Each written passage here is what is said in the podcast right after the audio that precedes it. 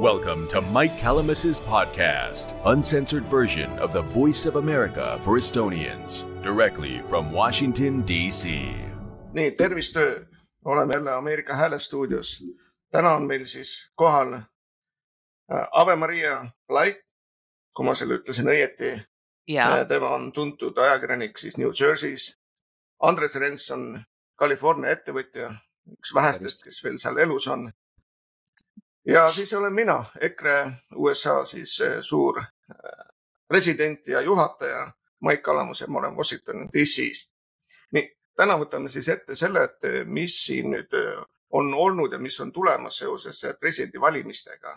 et kõik me teame ju kaks tuhat kakskümmend, kuidas käis siis äh, koroonasildi all suur pettus, kuidas siis saadeti inimestele postiga koju kõiki valimissedeleid, saadeti ka surnud inimeste omasid, mõnes ringkonnas isegi seal käisid valimas rohkem kolmsada protsenti inimestest, et ja, ja kõik siis tundus, et oli õige, et anname esimesena kohe Avele, kes, kes täpsemalt teab sellest, mis kaks tuhat kakskümmend, mis seal toimus. Ja näiteks siis tol aastal mm, külastasin palju naaberosariike, Pennsylvania, Maryland, Delaware, Virginia ja igal pool, kus ma ringi sõitsin, oli näha ainult äh, Trumpi äh, pooldavad lipud ja loosungid ja, ja plakatid igal pool. ja Bideni poolt oli näha võib-olla mõnes suuremas kesklinnas nagu Philadelphia kesklinna äh, autodel oli mingi väike see bumper sticker, see noh, auto, see kleepekas ja kuna see, need valimised tõotasid tulla üsna põnevad, põnevad, siis ma jälgisin häälte saamist otse-eetris. erinevad uudistekanalid vahendavad alati valimisõhtul tulemusi ja, ja näidatakse, mitu protsenti keegi kuskil on saanud.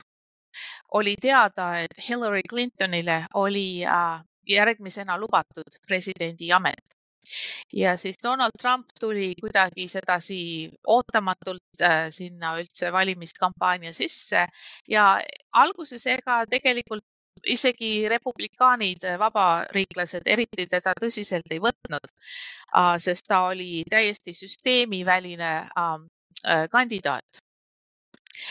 ja nagu ma ütlesin, Clintonile oli valimisvõit lubatud ja eh, valimisööl siis erinevate osariikide tulemused, kui hakkasid saabuma, oligi väga tasavägine eh, võitlus.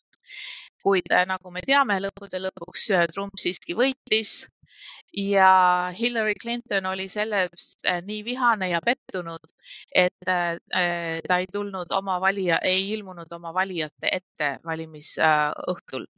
see on olnud äh, aastatepikkune traditsioon Ameerikas, et kaotaja siiski ilmub äh, valimisõhtul on tavaline tava see, et eh, isegi kes kaotab, tuleb siiski püüne peale ja tänab oma äh, toetajaid ja valijaid ja, ja õnnitleb äh, seda, kes presidendiks valitud sai. aga paar päeva hiljem ilmus uudis, et Hillary oli sellest nii nördinud ja pettunud, et ta viskas, ma ei tea, šampuse või veinipudeli või midagi telekaekraani ja trampis jalgu ja ei ilmunudki oma äh, toetajate ette, saadeti mingi teine tegelane sinna, kuigi rahvas ootas, et ta midagi tuleks ja ütleks. mis nüüd puutub siis järgmistesse valimistesse, kuna äh, Trump oli väga edukas ja kõigutas olemasolevat süsteemi ja lubas äh, bürokraatiat vähendada ja muuseas, ta on ka olnud üle hulga aja üks ainuke president, kes ei al- alustanud ühtegi uut sõda. ja nagu teada, sõjatööstus on äh, suurriikide üks parimaid majandus agregaate, siis väga paljudele ta ei meeldinud. mitte ainult noh, inimestele, kes arvasid, et ta on natuke labane või ütleb liiga otse või mida iganes. suurtele korporatsioonidele ka Trump ei meeldinud, sellepärast oli vaja takistada, et teist korda enam valituks ei saa. Aga jah, siis kui need siis järgmised valimised olid, siis jällegi muidugi ise mäletate ka uudistest oli ju igal pool näha, kui suured rahvamassid kogunesid tema äh, valimiskampaania üritustele äh,, seisid sabas kakskümmend neli tundi enne ürituse algust, et kohta saada. Maik, sa oled ise ka kindlasti mõnes neist käinud ja tead omast kogemustest juurde lisada. ja Bideni üritustel oli võib-olla mingi paarkümmend inimest siin ja seal ja loomulikult osa sellest oli see, et talle see toetus oli nii väikene. teisalt ei olnud neid suuri massikogunemisi Bideni valimiskampaania jaoks üldse vajagi, sest ta teadis, et teda pannakse pukki niikuinii. tal ei olnud vaja eriti midagi seal vehkida ega võimelda ega, ega rahvale mõju avaldada, sest oli juba ette määratud, et Trump enam tagasi ei saa. jah, Andres, kuidas sina kommenteerid seda? No ma tahan seda öelda, et Trump oli kindlasti see outsider ja äh, ta muutus selle äh, poliitilise maastiku kapitaalselt äh, isegi äh, konservatiivide seas. ja nüüd äh, noh, alles äsja oli need äh, noh vabariiklaste debatt ja ühesõnaga no ükski, ükski nendest kandidaatidest ei, ei tundunud, ei tundunud mulle nii, nii äh, noh, seda väärt kui, kui Trump, äh, sest nad ikka ajavad sedasama, sama, sama uh, jama edasi, mis, mis on uh, noh, põhimõtteliselt see establishment'i uh, poliitika. no ei ole midagi, midagi öelda, et Trump on ainuõige, kes peaks jätkama, kuna kuna see terve protsess oli, on, on, on, on tema vastu seatud ja. ja siin tuleb lisada seda, et kuidas Ameerikas üldse on valimised, et eh, sul on ikkagi vaja tohutut raha, siin on eh, ütleme, sadu miljoneid on sul vaja, et sa saaksid mingisugust normaalset ütleme, kampaaniat teha ja selle jaoks muidugi on olemas huvigrupid, kes seda raha annavad ja siis ongi niimoodi, et,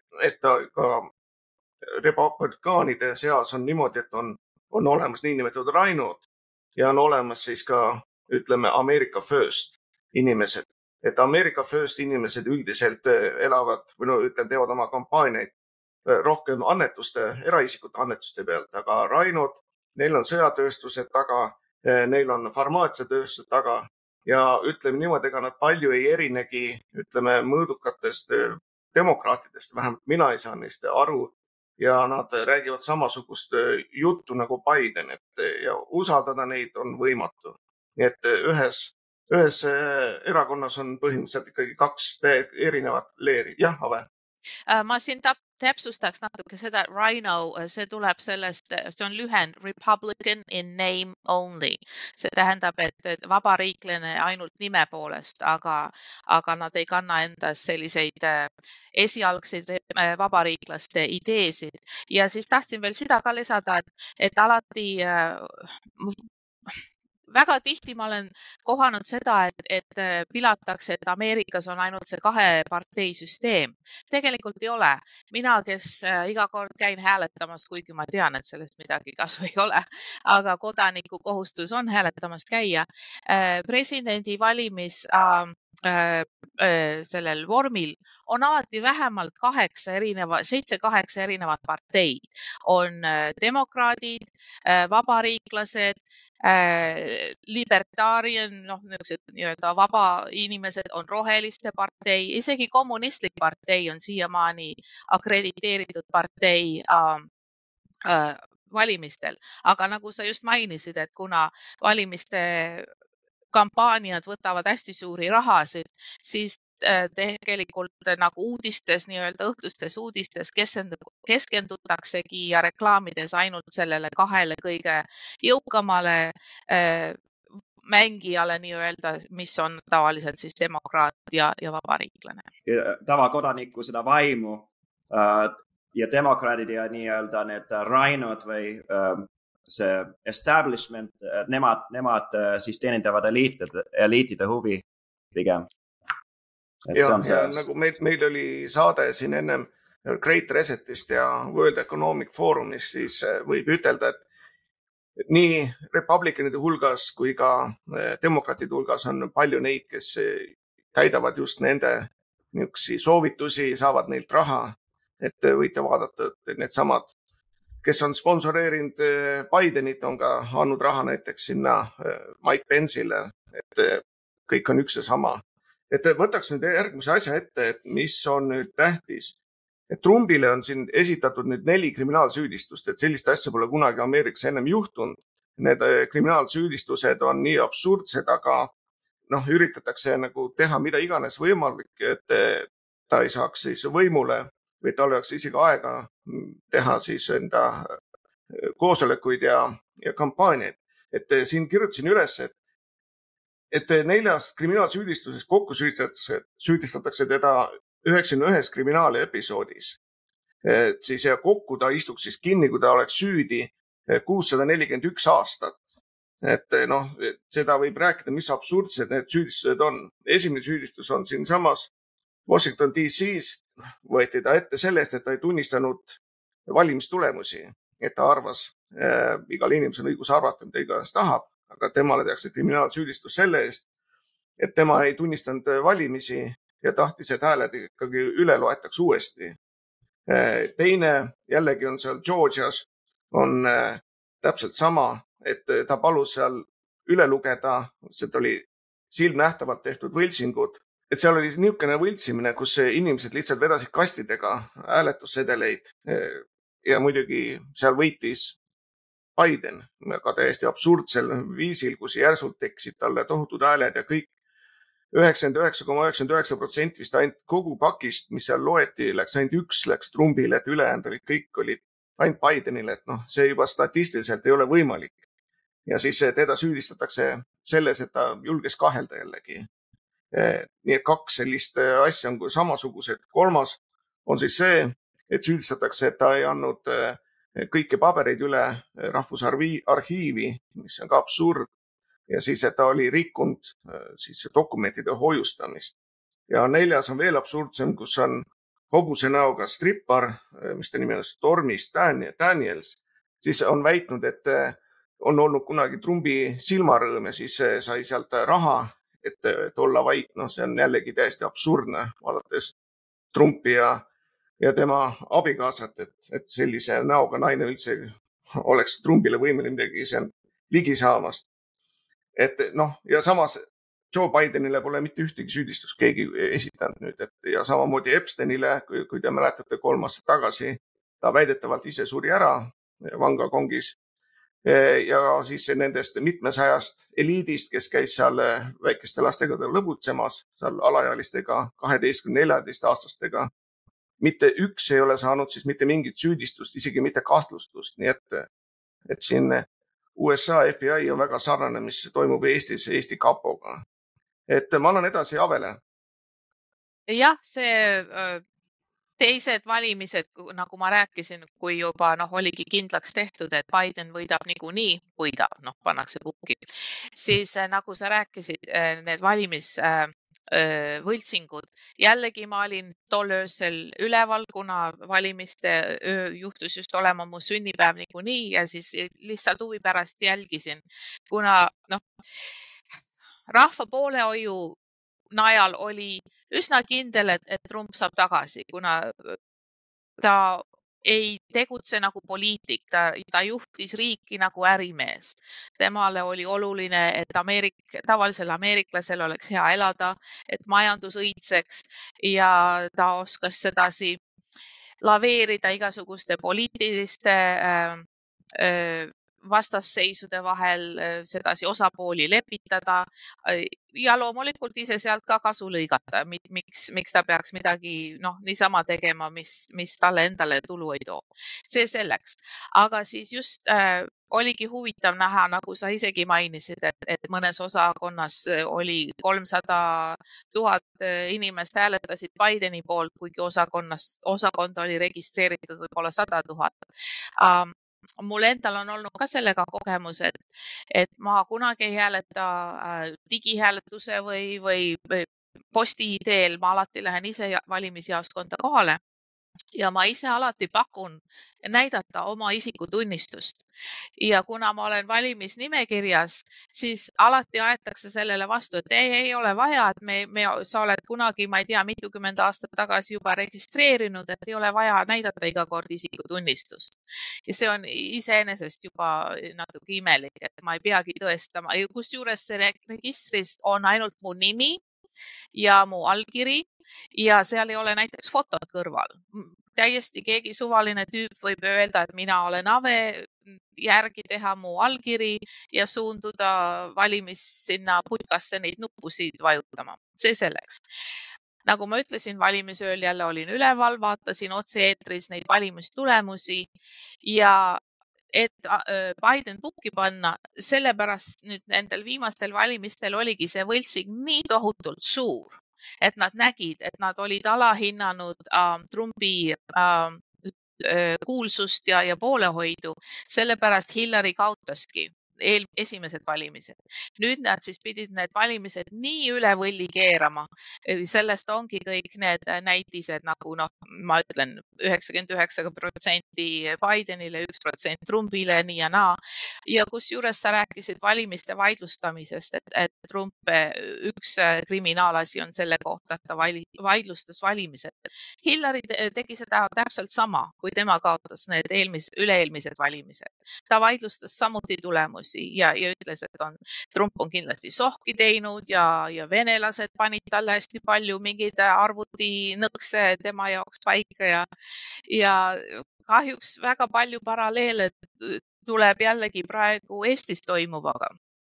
Et äh, mingi muusik, mitte, mitte mingi muusik, väga tuntud, rahvusvaheliselt tuntud muusik nagu Mustonen tühistatakse kontserdi pärast äh, kusjuures peaminister ise teeb äri ja veel kõige kahepalgelisem on selle juures see, et ta siis taunib, et tuleks teha sanktsioonid bla,, blablabla valetavad, varastavad ja ongi jälle täiesti nagu loomade farmis, et, kõik on võrdsed, aga mõned on võrdsemad kui teised.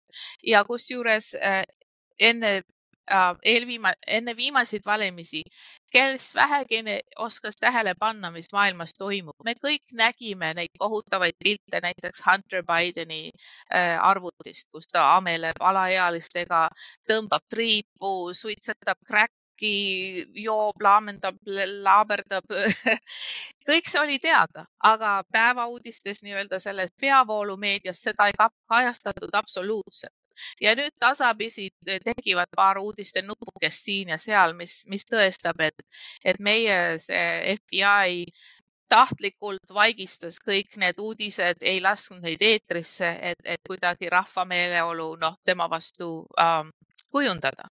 nii et ja sellest, sorry, ma nüüd lähen natuke liiga pikale oma jutuga, aga, aga sellest äh, tekibki selline tunne vahest, et, et meie väiksed need töömesilased siin võitleme tuuleveskitega, aga samas ka jälle ei saa vaiki olla, kui sa näed nii palju ebaõiglust ja nii palju sohki ja valelikkust ja, ja loomulikult nii-öelda eliidile, kes meid valitsevad, neile see ei lähe absoluutselt korda niikuinii. Nemad toimetavad ikka samamoodi edasi, neil on oma seljatugi, neil on oma um, ringkaitse, mis toimub nii Ameerikas kui Eestis äh, kaitseorganite kaudu, kohtute kaudu äh,. nii et jah, noh, aga ma ütlen eks me sellepärast seda saadet teemegi, et meil on natuke rohkem võib-olla kodanikujulgust kui, kui paljudel teistel ja lihtsalt äh, ma arvan, et me inimestena oleme kõik sellised, et meil teatud aeg lihtsalt see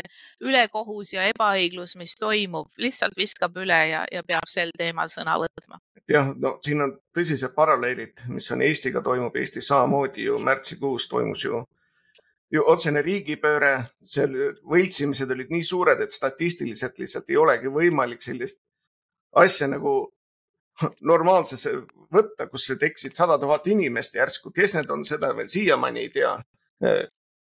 kogu asi oli siis tehtud eh, Venezuela firma poolt, mida kontrollisid pangad ja no lõppude lõpuks siis, et inimestele, et te peate uskuma seda. noh, see on nagu praegultki, kus tehakse siin küsitlusi ja küsitluste järgi on ikkagi Kaja kõige, kõige popim, et mis siis, et tegi Venemaaga salaja äri.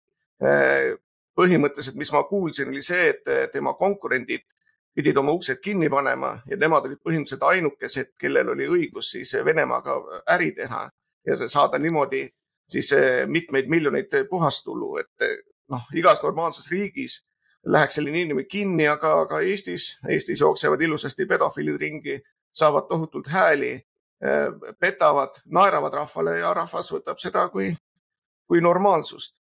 et nüüd siit võtakse edasi näiteks seda, kes on siis demokraatide kandidaadid siin presidendivalimisteks, mis kaks tuhat kakskümmend neli tulevad. et eh, ma tegin siin väikse uurimuse, otseselt on ainult Joe Biden avaldanud siis tahtmist saada, et ma ei tea, kas ta ise saabki aru sellest, et tema on ju puhtalt dementne globalistide marionett, tema nagu siis valimisloosunguteks on puhas Green New Deal, et saaks rohkem elektriautosid, viieteist minuti siis orjalinnasid Eh, ja siis miskipärast teda promotakse. Eh, teine, kes on, on John F. Kennedy vennapoeg, Robert F. Kennedy Jr, et tema on eh, selline, tema on mõõdukas demokraat ja kellel on nagu endal ajud peas ja julgeb välja ütelda, et kuna tal on Kennedy seljatagune ja teda kuulatakse ja ta on, aga hetke, hetkeseisuga on tema kõige populaarsem presidendikandidaat demokraatide hulgas. Eh, ja kolmandaks siis on Gavin Newsom, et eh, kui te Gavin Newsomit teate, et eh, Andres teab kindlasti, kui, kui palju head on ta teinud sinna Californiasse, kuidas seal kodutus õitseb ja fentanüüli saab nüüd juba mõnekümne sendiga nurga peal, et et need on siis. hea jutuga, hea jutuga poliitik, kes midagi muud ei tea, ei tee, kui, kui rääkida oskab. jah, et ta on vist Nancy Pelosi üldse sugulane, et ta seal tema, tema teenis oma rikkused sellega, kuidas ta siis maske tellis Hiinast ja müüs siis miljardite eest eh, Los Angelese linnale neid maha, et, et kõik on väga tervislik. Eh, ja võtaks siis kokku, kes on republikanide peamised kandidaadid, et kokku on neid kolmteist, aga kõiki ei ole mõtet nagu läbi võttagi, sest et eh, osa on neist täiesti mõttetud, et Trump, Trump on siis seitsmekümne seitsme aastane juba, et aga ta on tohutult populaarne, et ta on nagu ma vaatasin viimaseid nüüd küsitlusi, siis tema on absoluutselt kõige reaalsem, kes tuleb järgmiseks Ameerika presidendiks. et teiseks on siis eh, eh, Vivek Ramasvavi. Vivekiga on selline huvitav lugu, et ma saan järgmine kuu temaga kokku, et meil on täitsa ametlik kohtumine. et eks me teeme pilti ja räägime täpsemalt, et Vivekiga tahame just rääkida välispoliitikast ja sellest, kuidas USA saatkond Eestis valimisi mõjutab ja väga tõenäoline on, et Vivek on ka siis eh, Trumpi järgmises kabinetis, mis ala peal täpselt ei tea. aga kas ta on siis wise president või on ta siis eh, mõni muu minister, aga kindlasti on, temast saab, ütleme, tuleviku inimene. kolmandaks on Ron DeSantis, tema on rohkem siis Floridas tegev ja noh, praegune kampaania on tal nii nõrk, et temast ei, ei tundu, et oleks midagi tulemas. Eh, neljandaks on siis Mike Pence, et eh, Mike Pence on seesama Raino, kes, kes ei, ei julgenud siis vaidlustada neid valimisi. tal oli täiesti õigus selleks, aga vana Rainona ta kuulas neid, mida siis tema sponsorid käskisid ja, ja tema keeldus sellest, nii et temast pole ka midagi. Nikki Haley, Nikki Haley on siis World Economic Forumis, tema on siis tegev, tema on puhas globalistide esindaja, nii et loodan, et selline inimene ei saa mitte midagi. et eh, ma annan edasi Avele. Uh, Mike Pence on üldse üks huvitav kuju, ma arvan, et uh, süsteem installeeris teda nii-öelda selleks asepresidendiks, et Trumpil uh, silma peal hoida on, on olnud mitmeid videosid, kus on mingi matused või, või mingi suurem riigitegelaste kogunemine ja inimesed ei tõuse püsti äh, käteldes äh, Trumpi. aga nii kui siis Pence äh, sisse marsib, siis kõik tõusevad püsti ja kummardavad ja suruvad ta kätt, nii et ma arvan, et Pence oli algusest peale äh, pandud nagu Trumpi nii-öelda järelvaatajaks, et ta ikka noh, täiesti ülekäte ei läheks ja kogu kapitooliumit laiali ei saadaks või, või uut riigisüsteemi siin ei korraldaks, nii et pole üldsegi üllatav, et ta ei, ei äh, olnud Trumpi poolel äh,, kui Trumpil hakkasid siin igasugused probleemid, kasvõi näiteks see kuuenda jaanuari see kapitooliumi äh, nii-öelda vallutamine, mida ma jällegi vaatasin otse-eetris televiisorist ja see oli väga rahumeelne, otse näidati, ma ei uskunud, et tegelikult üldse seda Kapitooliumi hoonet ei saa vallutada, sest see tegelikult kuulub rahvale ja sinna oleks see, põhimõtteliselt on sinna tagatud vaba ligipääs igaühele, kes tahab sinna külla minna või vaatama või, või eh, senati ja muude asjade te, tööd ja tegemisi vaatama või, või niisama ringi uudistama. ja siis otse-eetris oli ka näha, et ei olnud üldse mingit äh, suurt äh, kismat ega käsmat turvamehed ise tegid uksed lahti ja siis kaamera läks juba Kapitooliumi hoone sisse, kõik need nii-öelda need mässajad ilusasti, viisakalt, rahulikult liikusid, seal on noh, turistide jaoks pandud need äh, samed, niisugused nöörikesed, mida, mille vahel tuleb siis käia. Ilusasti rahulikult kõik käisid ja muidugi oli sealhulgas hästi palju igasuguseid provokaatoreid, kes siis hakkasid laamendama ja laaberdama, seal läksid mõne inimese kabinetti, jalad laua peale ja tegid selfie sid ja nii ja naa ja ja kõik see oligi jälle niisugune kahe otsaga asi, et, et ühelt poolt oli see rahumeelne äh, marss Kapitooliumile, aga siis agite, agitaatorid keerasid selle nagu selliseks hästi suureks ja õudseks rünnakuks, lihtsalt, et jällegi Trumpi häbivääristada, tema nime maha teha, teda igasugustest äh, uute äh, kohtuasjadega üle külvata. jah, see on hea sissejuhatus äh, minu jutule äh,. ma tahtsin öelda, et meie peaaegu ühe kambaga läksime äh, Kapitooliumi peale valimise, tahtsime rahumeelselt oma meelt avaldada aga noh, vist õnneks, õnneks me ei, me ei sattunud sinna samal ajal, kui see, see rahulik meeleavaldus toimus. aga mida ma tahan äh, öelda, on, et, äh, et noh, küsimus on selles, et kas see kahe tuhande kahekümne esimese aasta äh, kuuenda jaanuari tuhatkond meeleavaldajat, keda arreteeriti Washington DC-s USA Kapitooliumis ja kellest siiamaani pea viissada istuvad vangis häbiväärsetel ja kehvadel oludes saab pidada poliitvangideks NPR ehk National Public Radio on vasakpoolne uudisteagentuur, mis väidab, et see on ajalooliselt Eest, uh, USA suurim kriminaalne menetlus, veel suuremgi, kui oli kahe tuhande esimese aasta septembri terrorirünnakud või siis kahekümne kahekümnenda aasta suve vältel toimunud BLM-i ehk Black Lives Mattersi mässud mis olid palju laiaulatuslikumad ja tekitasid kordades suuremat kahju kui Kapitooliumis peamiselt rahumeelsed meeleavaldajad, keda süüdistatakse riigipöördekatses, kuigi ühtegi relva äh, neilt ei konfiskeeritud. enamasti kõik BLM-i mässajatele anti armu ja loobuti kriminaalmenetlusest põhjusel, et neil oli õigus avaldada meelt sõnavabaduse printsiibil. pealegi, et nad tekitasid kahju nii eraettevõtetele kui ka riigiasutusele äh, tosinates linnades ulatuses mille, milledete dollarite kah, kahjuni ja korrakaitset. samal ajal kui kuuenda jaanuari meeleavaldajaid hoitakse põhiseaduse vastaselt ülikitsastes kongides ja neile ei anta normaalset toitu ega puhast joogivett. väidetavalt on vanglakongide seentel must hallitus, mis on ka tervisele ohtlik. õige definitsioon järgi võib neid nimetada poliitilist, poliitilisteks vangideks vaid siis, kui nad väljendavad endist poliitiliselt ehk avaldavad oma arvamust. ega seni pole ükski neist seda teinud.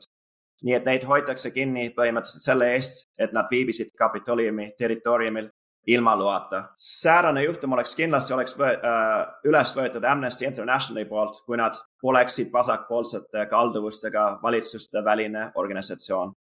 võib ka öelda, et selliste, sellisele loo või sellele loole kuulub rassiline aspekt, kuna kinnipeetavad olid peamiselt valgenahalised keda arreteeriti samal ajal, kui BLM-i mässajate sekka kuulusid ka mustanahalised isikud, kellele anti armu ja pääsesid vanglakaristused sellega, et nad pidid tegema vaid ühiskondlikku tööd. kuuenda jaanuari omadele ei antud sellist võimalust. palju veel ootavad siiamaani läbikuulamist.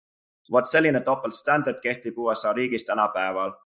vaid kümmekond aastat tagasi poleks ükski meist uh, uskunud, et riik langeks banaanivabariigi staatuseni, aga nii see paraku on. hetkel näeme, kuidas sama topeltstandard kehtib president Donald Trumpi vastu, üritatakse iga hinna eest teda kõrvaldada Äh, järgmise aasta presidendivalimistes, kuigi tema on konservatiivide ehk äh, vabariiklaste kindel soosing.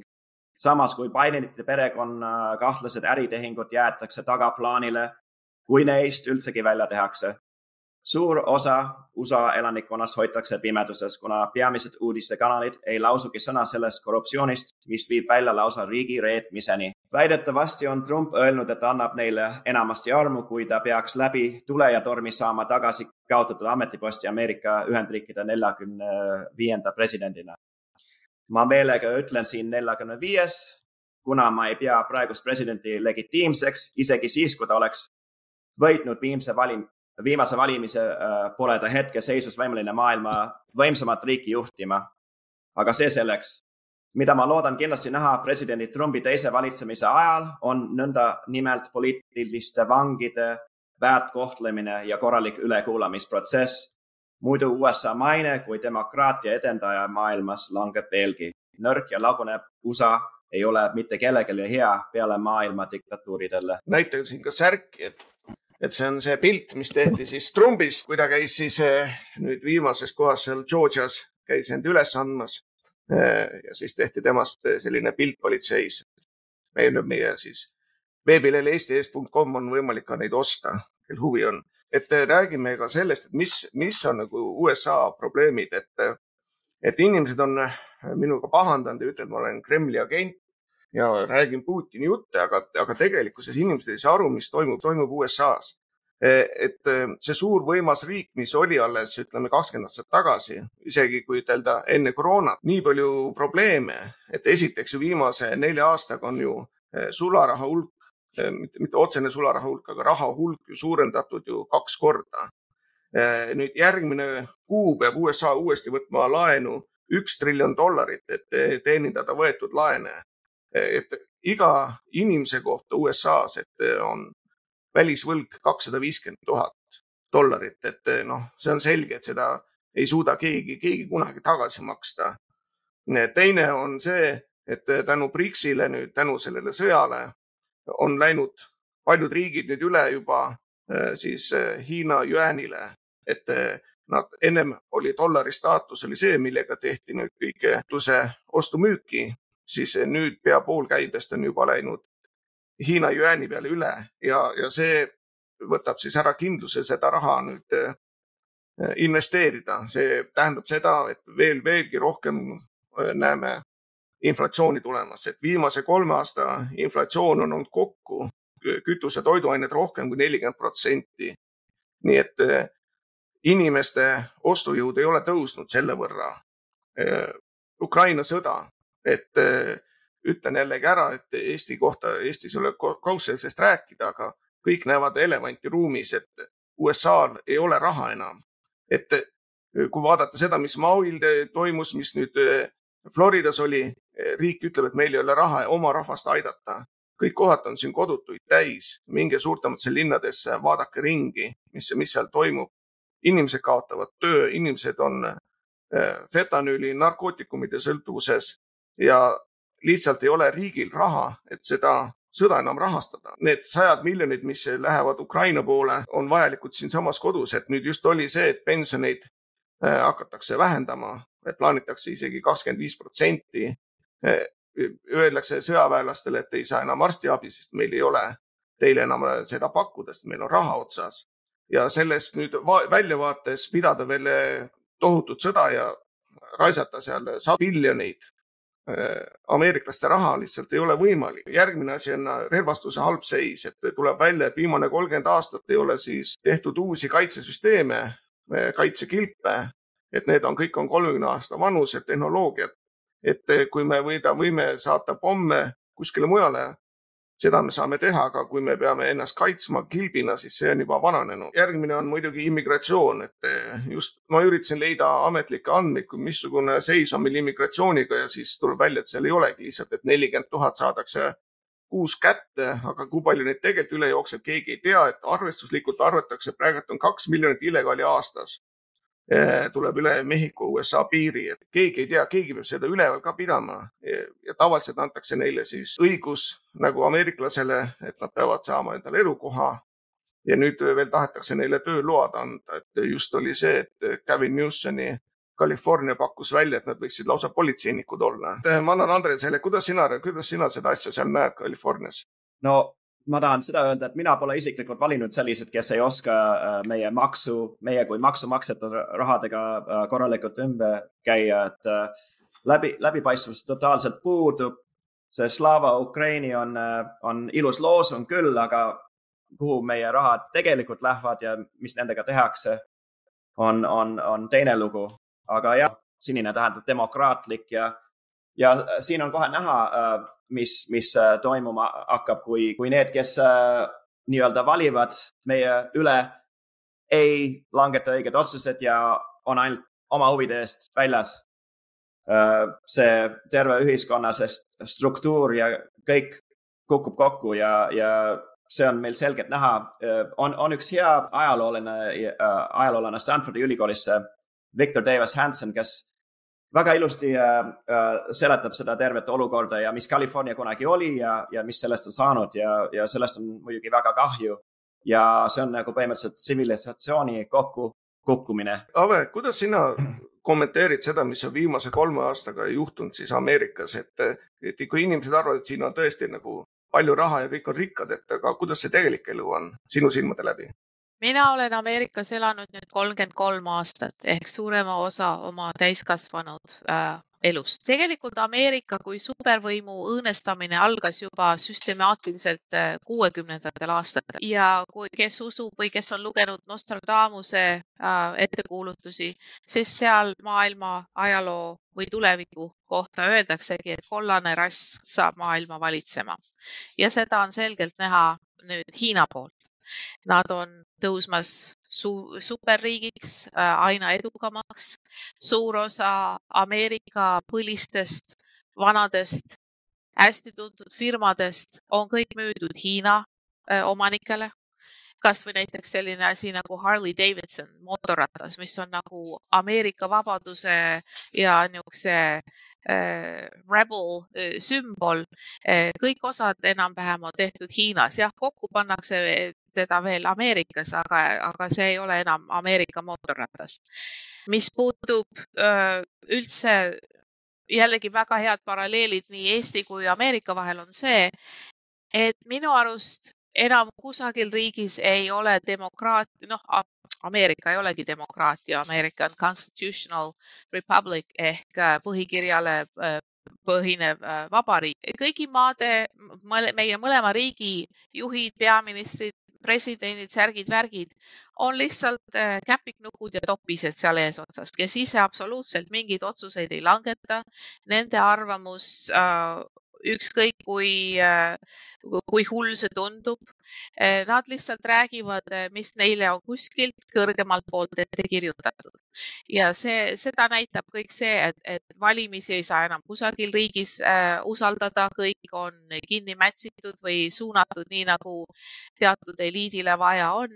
ja sellest me oleme ka eelmistes saadetes rääkinud, et maailma tegelikult valitsevad Eh, tegelased, kellel on lihtsalt hästi palju raha, olgu see siis Soros või Schwab või, või sellised tegelased, teatud selline väga väikene klikk, keda kuhu, keegi rahvast ei ole kuhugile ametisse valinud, aga kuna neil on nii suur mõjujõud just oma rikkuse tõttu, siis nemad mängivad riikidega nagu malet, lihtsalt oma huvide kasuks, oma lõbustuseks ja me ju teame kõik juba algusest peale, et Biden ise ei tee mitte ühtegi otsust ta lihtsalt äh, räägib nii hästi või halvasti, kui ta seal välja kukub. Äh, vahest noh, kokutab rohkem, kui seda selget kõnet tuleb, kukub trepist ülesse, mis on tegelikult omaette anne. ma ei tea ühtegi inimest, kes oskab trepist üles kukkuda, tavaliselt kukutakse trepist alla, aga, aga see selleks.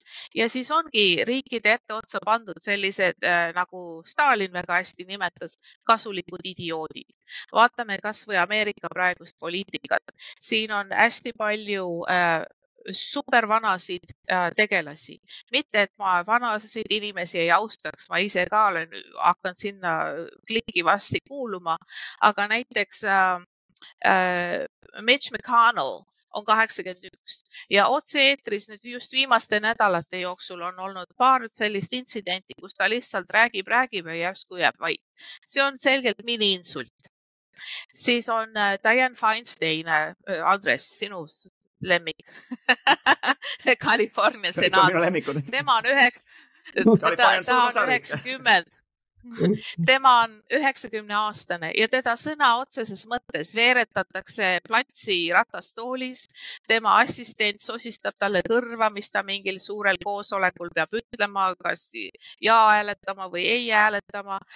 dokumenteeritud dementia uh,. Nancy Pelosi, jälle kaheksakümmend kolm aastane uh,. on ka nooremaid uh, selliseid mitteadekvaatseid inimesi nagu näiteks Pennsylvanias Fetterman, kellel oli jällegi dokumenteeritud väga ulatuslik insult ta ei kuule hästi, ta ei saa asjadest õieti enam aru, ta ajab täiesti seosetut juttu ja, ja kordab ennast ja see ja, ja inimesed imestavad, et kuidas nii äh, vigased või dementsed inimesed saavad nii kõrgetel positsioonidel olla, aga neid just kas sinna pannakse nimelt või säilitatakse, et niikaua kui neid veel kuidagi saab ratastoolis eetrisse veeretada, et siis nad ongi sellised juht, juhitavad käpinukud, nagu ma ütlesin, kasulikud idioodid ja tegelikult nööre tõmbavad suured korporatsioonide omanikud, telgitagused tegelased, kelle enamus nimesid ja nägusid publik üldse ei teagi. Nemad on, kes määravad ja dikteerivad hetkepoliitika ja, ja riigi, riigi majandust. jah, eks, eks, eks Eestis on täpselt sama, kui vaadata seda Riigikogu liikmete nimekirja, siis seal mõned on olnud ju paarkümmend aastat, et ja mida nad elus korda saatnud on, noh, ei tule mitte midagi head meelde. et anname Andresele sõna, et kuidas see olukorrad seal sinu poolt on näha? no ma tahtsin Ave selle jutu kohta kommenteerida veel, et ma olen nõus Avega, et kuuekümnendatel aastatel see vasakpoolne, see liikumine sai oluliseks faktoriks. aga see ühiskondlik allakäik tegelikult äh, toimus sellega, et need Frankfurdi kooli tegelased kolisid ümber USA-sse ennem teist maailmasõda äh, oma marksistliku väärtustega ja Hitleri tõus oli otsene põhjus äh,, miks nad just siia tulid ja nüüd on Ameerika Ühendriigid sama kui Weimari uus, äh, uus Weimari vabariik. Äh, ma tahaks siia lisada just ka seda, et, et äh, veel paarkümmend aastat tagasi üritati nagu seda demokraatia kulissi äh, üleval hoida ja näiteks poliitika suunamisega tegid, äh, tegelesid äh, teatud korporatsioonide nii-öelda see lobitöö kaudu. ja nüüd siis on minu arust neile vaatavad, et noh, pööbel on nii arulage või ei pööra tähelepanu või ei ole huvitatud, et enam seda teatrit ei olegi vaja teha. et ei olegi vaja teha igasuguseid algatusi või, või, või seaduseid äh, kuidagi nii-öelda hääletamiste ja muude äh, kaudu suunata, et lihtsalt ongi lihtsam täiesti otse rahva tahtest üle sõita, täpselt nagu, mis Eestis praegu juht, juhtub, et äh, noh, las olla, ega nad niikuinii midagi ei tee, rahvas tänavale ei tule, keegi midagi eriti nõudma siin ei hakka.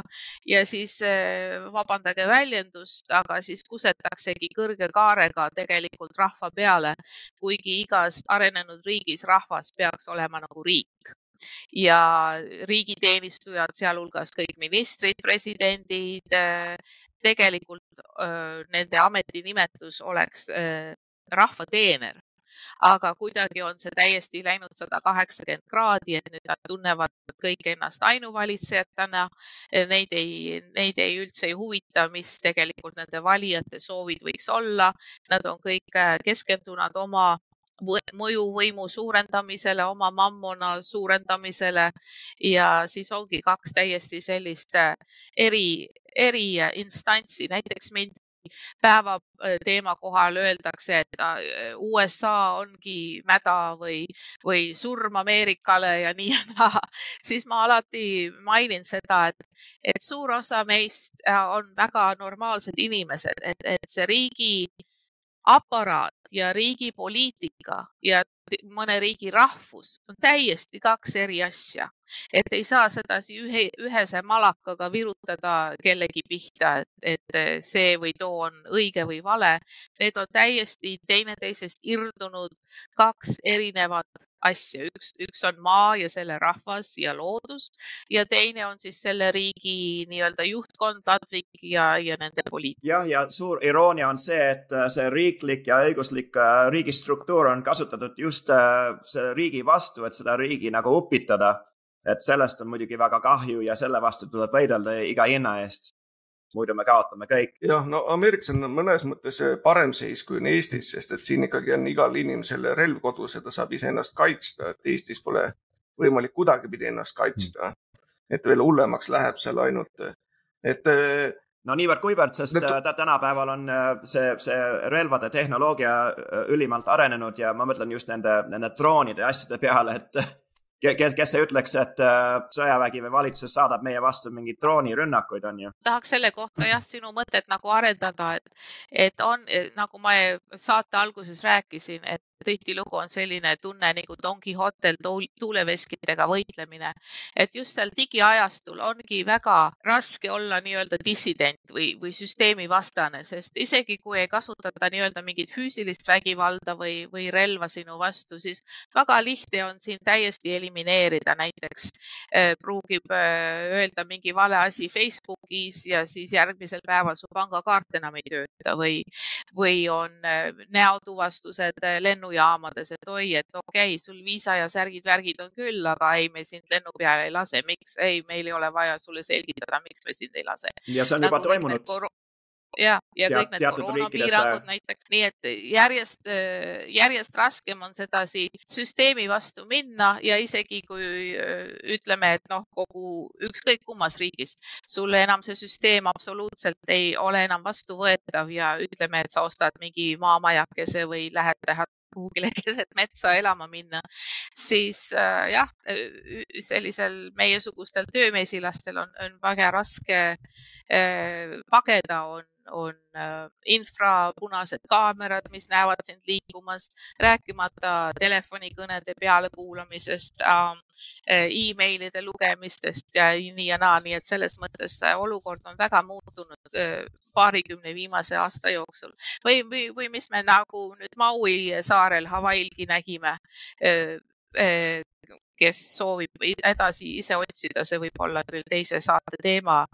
et lihtsalt, kui rahvas ei ole nõus äh, oma maad müüma, siis lihtsalt põletatakse kogu linn maha ja, ja lapsed lähevad kaduma ja jah, see süsteem, kuigi see ongi see paradoks, et tegelikult nii-öelda see eliit, eliit on võib-olla üks protsent rahvastikust heal juhul ja meie ülejäänud, kes tahaksime olla rahumeelselt elada, eksisteerida võrdväärselt teiste rahvuste ja rasside ja, ja riikidega, meid on üheksakümmend üheksa protsenti. aga selle eliidi käes on nii, nii suur mõjuvõim ja nii äh, katastroofilised relvad, mida nad võivad kasutada tänu sellele, et nad ikkagi veel pukis püsivad. jah, ma mainiksin siia peale seda, et Trump on puhtalt, tema on äh, nagu rahvaesindaja ja kui käid siin eh, tema rallidel või käid kasvõi nagu mina käisin tal külas, siis on näha, kuidas kõik on rõõmsad eh, ja kõik soovivad talle jõudu, et, et ta suudaks võidelda selle eh, masinavärgiga. et kui, kui tema peaks võitma, siis võib ütelda, et see mõjutab ka palju Eestit. siis juhised ilusasti siit demokraatide käest teevad seal viieteist minuti linnasid, panevad tuuleveskeid üles, teevad igast muud seda woke'i jama, et see hetk, kui Trump tuleb võimule, siis võite arvestada, et see raha kaob ära. Ja hakatakse kindlasti rohkem vaatama, kes on võimul. Ja hakatakse ka siis eh, vastavalt eh, eestlastega samamoodi suhtlema, et nii, et Eestis eh, kas siis EKRE või keegi teine konservatiividest saab kõva tõusu osaliseks, kui, kui Trump võidab et ma annan Andresele veel, et meil on viimased viis minutit, et eh, teeme igale veel niisuguse väikse lõpujutu. ma ütleks, et suurim vahe ongi see, et eh, Trump on äh, on ärimees võrreldes nende poliitikutega, kes on nii-öelda noh, õiguslike haridusega. ja noh, muidugi Trump toetab era, erasektorit ja, ja noh, inimesed, kes äh, tahavad oma, oma eluga hakkama saada ja, ja, ja, ja, ja toimetada äh, ilma, ilma, ilma riigi sekkumiseta. ja sel, sellepärast juba, juba Trump on nagu äh, inimeste poolt pigem ja, ja kõik need äh, noh, peamiselt need äh, poliitikud, kes seal praegu on, on, on, on siis äh, suure, suure valitsuse eest nagu äh, pigem äh, toetavad äh, eliite ja, ja, ja nii see, see probleem ainult süveneb, see süvariik ainult kasvab. jah, me saated tihtilugu on me räägime probleemidest, millest tuleb rääkida, me julgeme rääkida elevandist ruumis et me ei ilusta asju, me räägime asjadest nii, nagu nad on ja praegu kahjuks on väga palju negatiivset ja hirmutavat ja kohutavat maailmas. aga ma tahaks siiski, ma olen selline äh, romantik ja idealist ikkagi, ma ei ole absoluutselt pessimistlik tuleviku suhtes selles mõttes, et tihtilugu asjad peavad minema kõige hullemaks ja jubedamaks ja kuristikku kukkuma, enne kui nad jälle hakkavad paremaks minema.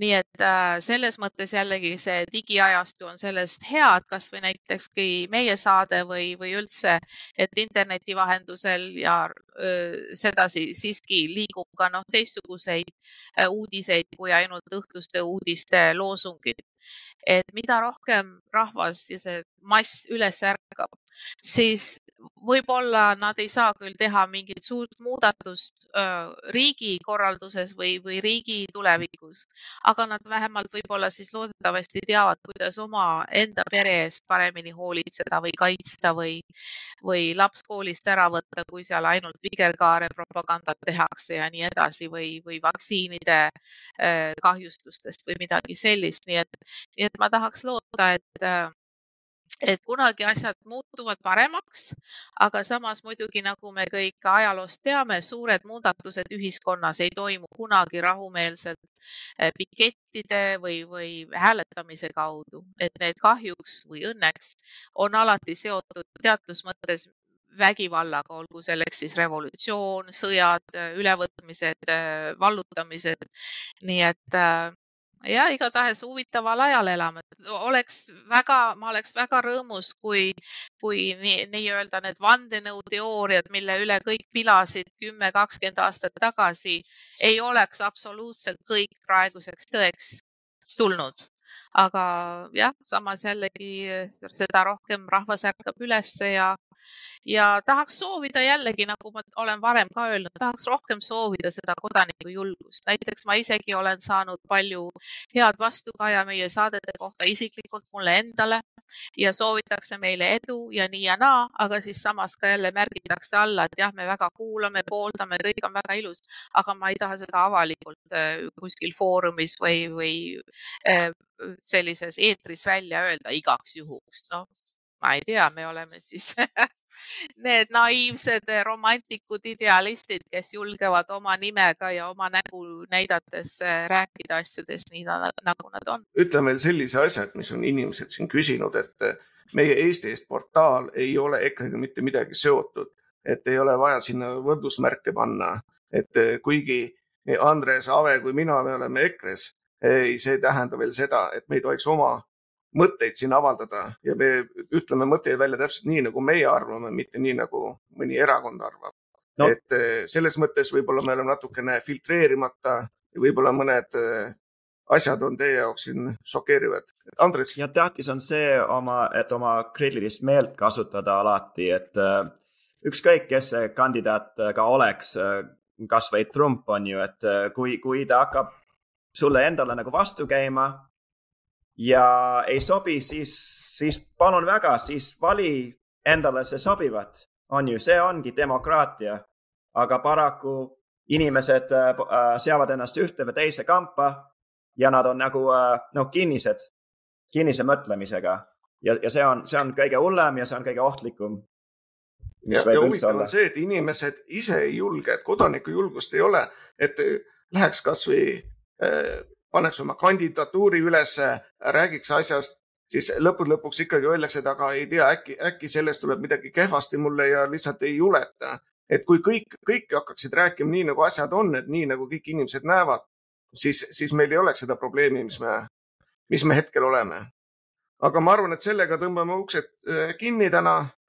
et äh, oleme arvatavasti jälle kahe nädala pärast eetris, et äh, nägemist. nägemist. nägemist